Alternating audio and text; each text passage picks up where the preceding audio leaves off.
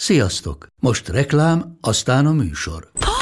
Hú, de szép szőnyeg. Új. Igen, tegnap vettem a Diégóban. Ó, és ez a függöny, de szép. Diégó! És hamarosan lesz új laminált padló a hálóban. Rátszakott a bank. Csak regisztráltam Diégó digitális klubkártyát vásárlás előtt. Csináljunk neked is egyet? Csak egy perc és kész. Regisztrálj te is áruházainkban, vagy a diego.hu oldalon, és azonnal megkapod digitális klubkártyádat, melyel akár 30% kedvezménnyel vásárolhatsz padlóburkolati és lakástextil termékeket. Diego.hu Már meg is kaptam e-mailben. Ez reklám volt, jó volt.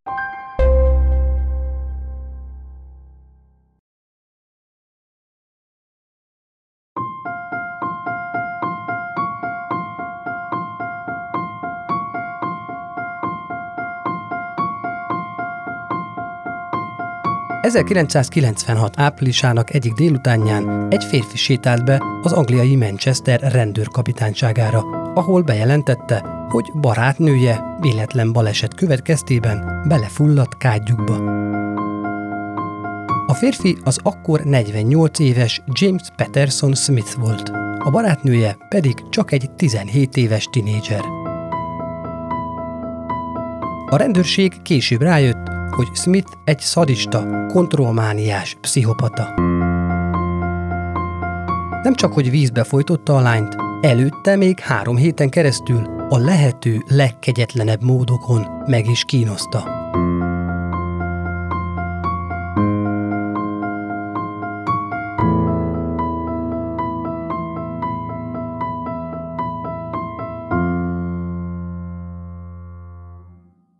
Sziasztok! Szatmári Péter vagyok, és itt ül velem dr. N. Nagy István is. Sziasztok! Ez a Büntények Podcast legújabb epizódja. Mielőtt belevágok, kérlek titeket, hogy amennyiben szeretitek azt, amit a csatornán csinálunk, és lehetőségetek van arra, hogy támogassatok, kérlek a Patreon oldalunkon ezt egy jelképes összeggel tegyétek meg. Link a leírásban. Köszönjük!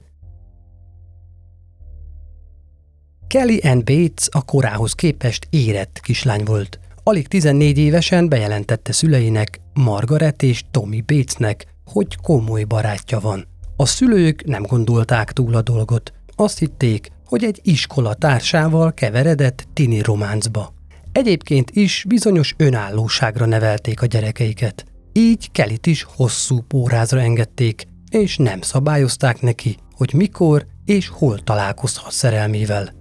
A bejelentés követően pedig elég hosszú idő is telt el addig, amíg Kelly éjszakákra kimaradozott, és agódó szülei a rendőrséggel kerestették. Amikor az egyik ilyen eset után hazaért, azt állította, hogy barátnője Rachel házában töltötte az estét. Szüleinek viszont inkább az volt az érzése, hogy lányuk valamit eltitkol előlük, és nem mondja el az igazat. De nem csak őket aggasztotta időről időre Kelly holléte. Bár még sosem találkoztak, a lány barátja, Dave is időnként felhívta őket, és lányok felől érdeklődött. Akkor még nem realizálták, hogy ezek mögött a hívások mögött Dave egyre szorosabban lányuk felett gyakorolt kontrollja húzódott meg. Kelly valahogyan sikeresen távol tartotta Dévet a szüleitől, akik csak a lány 16 éves korában találkoztak először az udvarlóval. Kelly ekkor zúdította a szülei nyakába a nagy hírt, miszerint ott hagyja az iskolát, és összeköltözik Dévvel. Természetesen a szülők arca a hírre fehérre váltott, és azonnal hívták a család segítőszolgálatot. Sajnos azonban Kelly ekkor már betöltötte a 16. életévét, és a brit törvények értelmében a hatóságok nem tehettek semmit sem. Kelly szülei így csak annyit tudtak tenni, hogy kötelezték lányukat arra, hogy mutassa be nekik Dévet. Egy nap Margaret hazatérvén otthon találta Kellit, a konyhában ácsorogva. Nem sejtette, hogy lánya ekkor tervezte bemutatni párját nekik. De később léptek zaja hallatszott a hátsó lépcső felől, és megjelent a fiú, azaz a férfi. Amikor végül Margaret és Tommy találkozhatott Dévvel, sokkos állapotban konstatálták, hogy nem egy tiniről van szó, hanem egy felnőttről. Kelly és Dave azt mondta a szülőknek, hogy a férfi 32 éves, bár még ez is messze állt az igazságtól. Mint később kiderült, a lány pasia ekkor már 48 éves volt, idősebb, mint Kelly apja. De nem csak Dave életkora volt az, amit a pár a szülők elől eltitkolt. Dévet ugyanis nem is Dave-nek hívták. Az igazi neve James Patterson Smith volt. Margaretet már az első pillanatban valami rossz érzés kerítette hatalmába a férfivel kapcsolatban. Később azt nyilatkozta, nem ilyen embert képzeltem a lányom mellé. Élénken emlékszem, hogy amikor megláttam, a konyhapulton lévő késre pillantottam, és késztetést éreztem, hogy felkapjam és hátba szúrjam. Azt, hogy ezt nem tette meg a történtek tükrében, mélyen megbánta. Dacára Kelly érettségének még mindig fiatal és naív volt. Teljesen levette a lábáról az a tény, hogy egy idősebb férfi érdeklődik iránta. Észre sem vette, hogy kapcsolatuk lényegében az erőszakról és az irányításról szólt, és nem a szerelemről. Smith ettől a ponttól gyakorlatilag a lány minden cselekedetét kontroll alatt tartotta. Kelly viselkedése lassacskán megváltozott. Nem volt már többé az a kicsattanó és pesgő személyiség, mint ahogy édesanyja ismerte. Szülei végignézték, ahogyan lassacskán elveszíti önmagát. Mikor alkalmakként megjelent házukban, érződött rajta, hogy bajban van, és hogy nagyon stresszes. De ezekből nem vallott be semmit. Kellynek idővel véraláfutások és hegek jelentek meg a karjain és az arcán.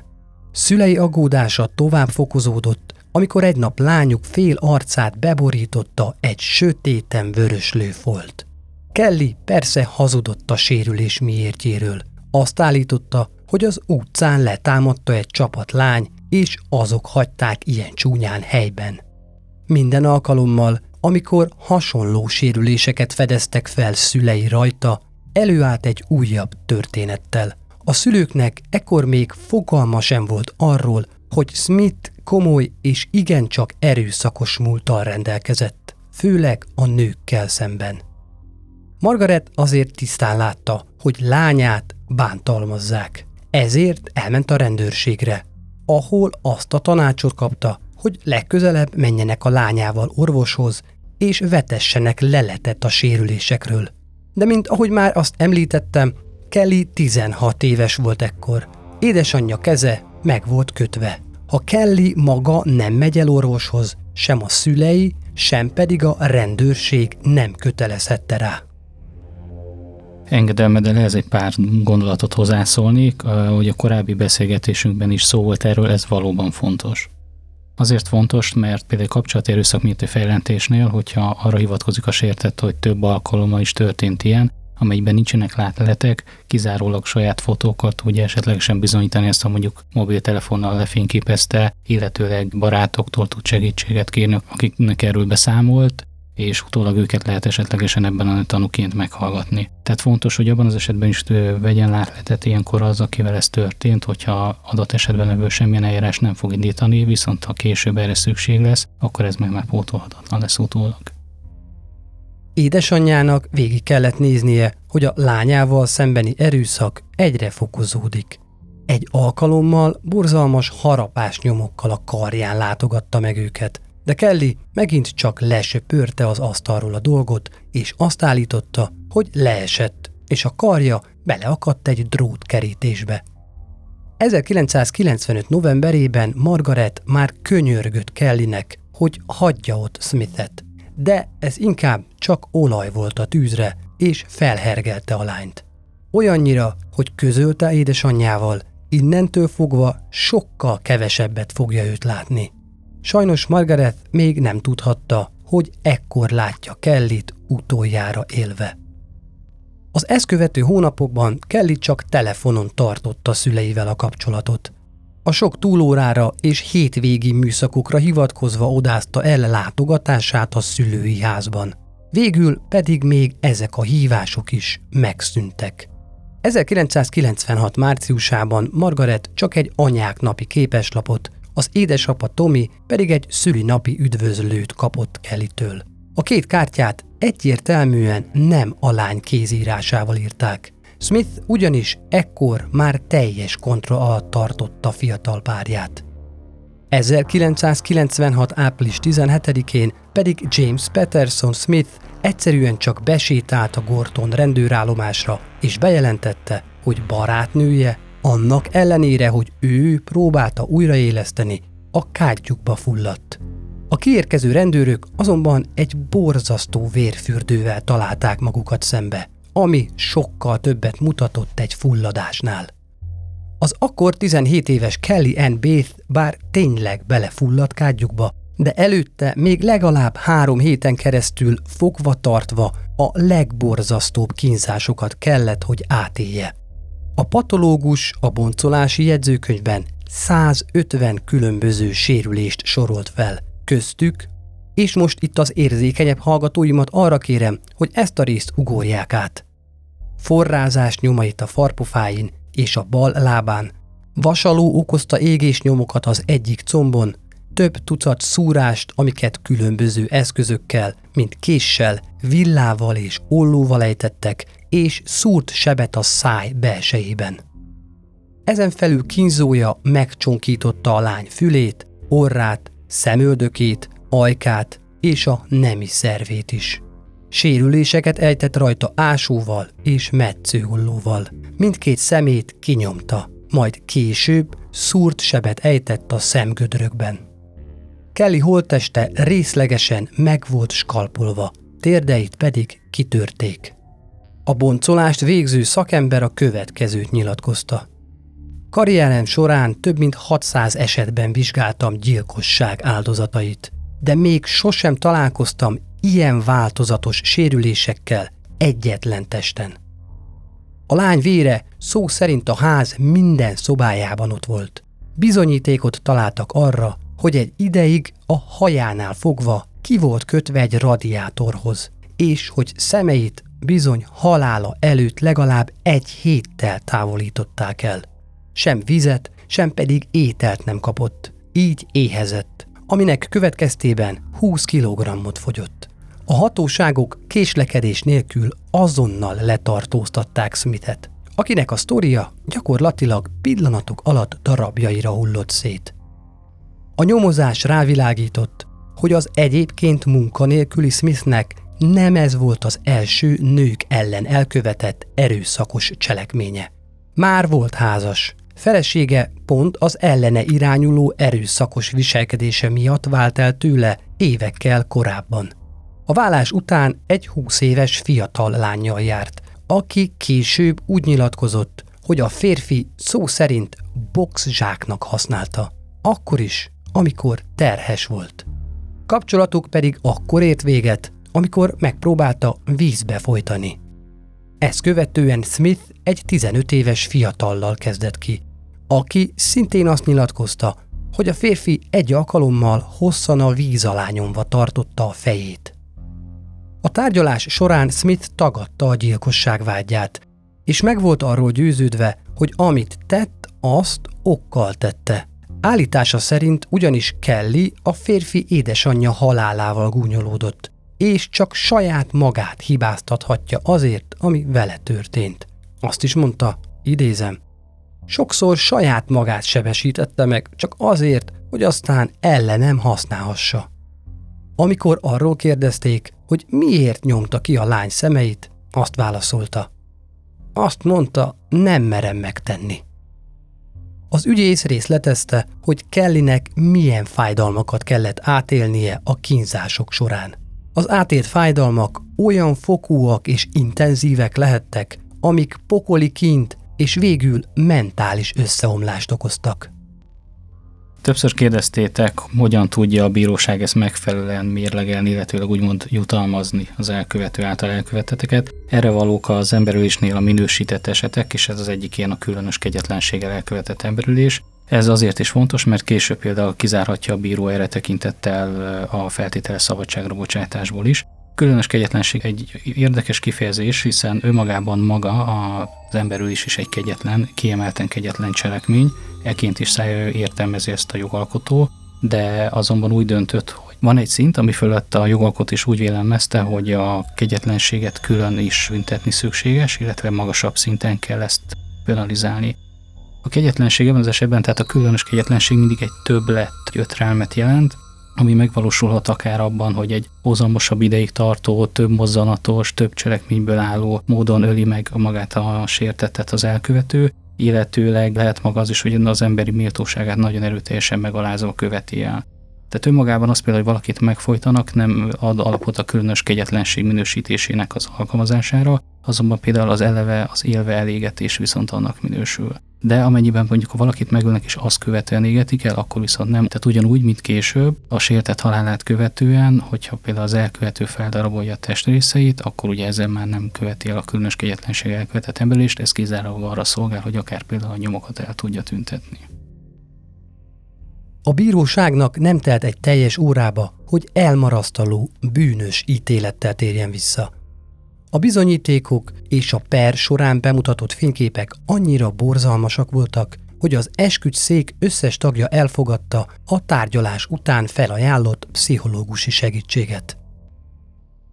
Ha már pszichológusi segítség, az elkövető oldaláról vizsgálva nagyon sokszor kérdeztétek maga azt, hogy mi történik akkor, ha elmebeteg gyakorlatilag az elkövető, mint ilyen esetben nyilván mindenkiben teljesen jogosan merül fel, hogy nem igazán működik a társadalmi elvárásoknak megfelelően, a szerint értékelik nincs beilleszkedve a társadalomba feltétlenül, hiszen egy átlagos ember ilyet nem fog elkövetni. Emberülés és ebben megszokott gyakorlat az, hogy a bíróság az igazságügyi megfigyelő elmegy gyógyintézetbe küldi 30 napra, tehát ott tölti gyakorlatilag az előzetes letartóztatását, és ezt követően döntenek arról, hogy szükséges esetleg előzetes kényszergyógykezelés elrendelése. Ugyanis, hogyha ő kóros elmállapotban követel a bűncselekményt, akkor tudjuk ugye, hogy nem büntethető. És erre lehetőség van a bíróságnak, hogy kényszergyógykezelésre ítélje őt, és a kényszergyógykezelés viszont minden hat hónap után felül kell vizsgálni és hogyha úgy döntenek, hogy meggyógyult, akkor ugye szabadon engedik az intézményből, viszont ez nem jelenti azt, hogy utána neki le kell ülnie, aztán, mint egyébként elkövetett, hiszen akkor, amikor elkövette, kóros elmállapotban követte el, azt utólag, ha meggyógyult, nem lehet amiatt több jogi felelősségre vonni. James Patterson Smithet életfogytig tartó börtönbüntetésre ítélték, amiből minimum 25 évet le is kellett ülnie. A most 74 éves férfi szabad lábra helyezését ez év januárjában utasították el, mondván még mindig túl veszélyes a társadalomra. Smith tavaly novemberében jelent meg első alkalommal a három tagú szabad lábra helyező bizottság előtt. Igyekezett bizonyítékokkal alátámasztani, hogy már megváltozott, új ember. A bizottság szóvivője azonban a következőképpen nyilatkozott.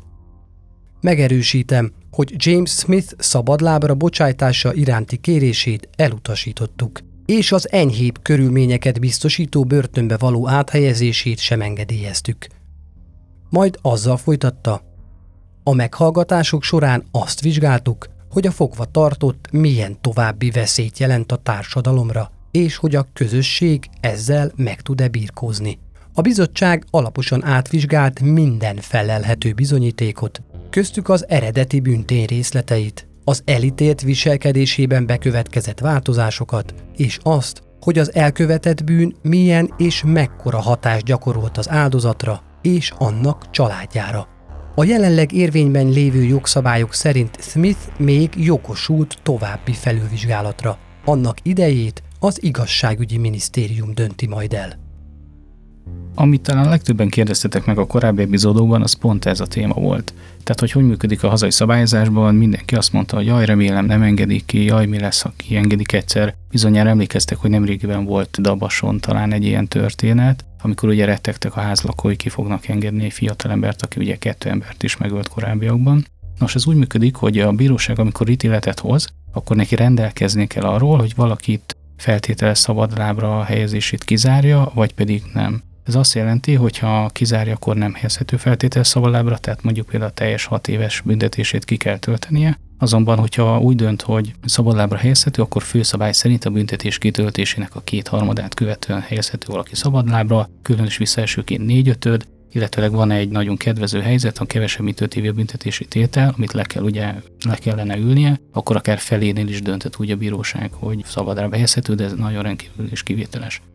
Ami érdekesebb a mi esetünkben, hogy az emberüléseknél, különösen ha valakit ugye tényleges életfolytiglanra ítélnek, mert úgy működik, hogy a szabadságvesztés három hónaptól 20 évig tart, hogy bűnszervezet vagy ilyesmi esetén ugye 25 év is lehet, vagy életfogytig.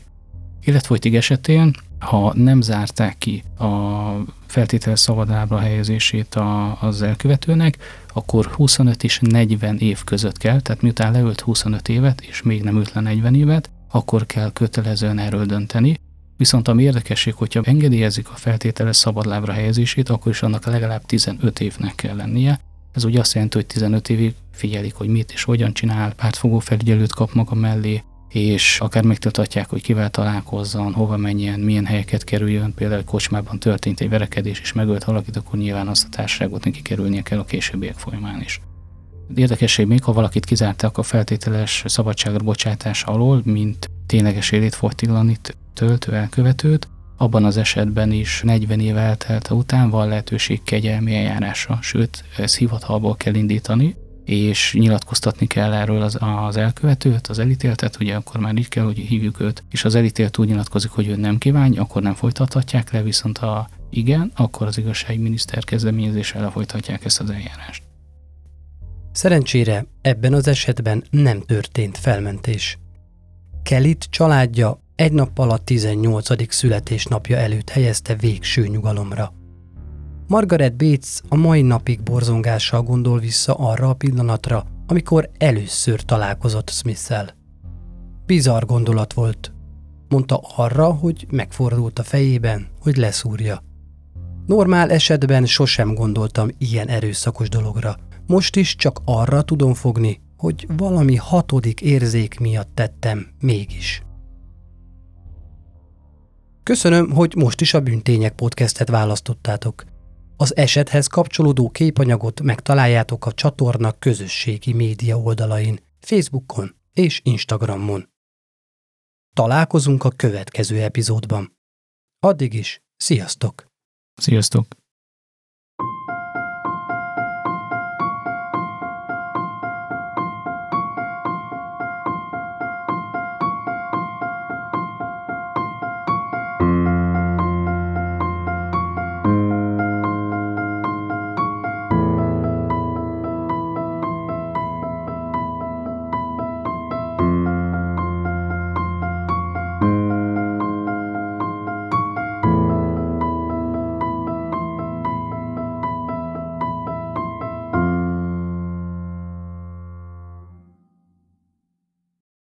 Ha más podcastekre is kíváncsi vagy, hallgassd meg a Béton műsor ajánlóját.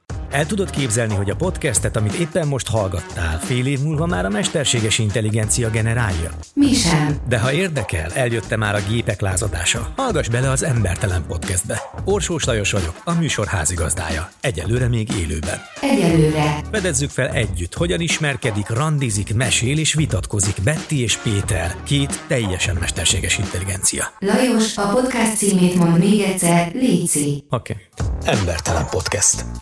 Ez a műsor a Béton közösség tagja.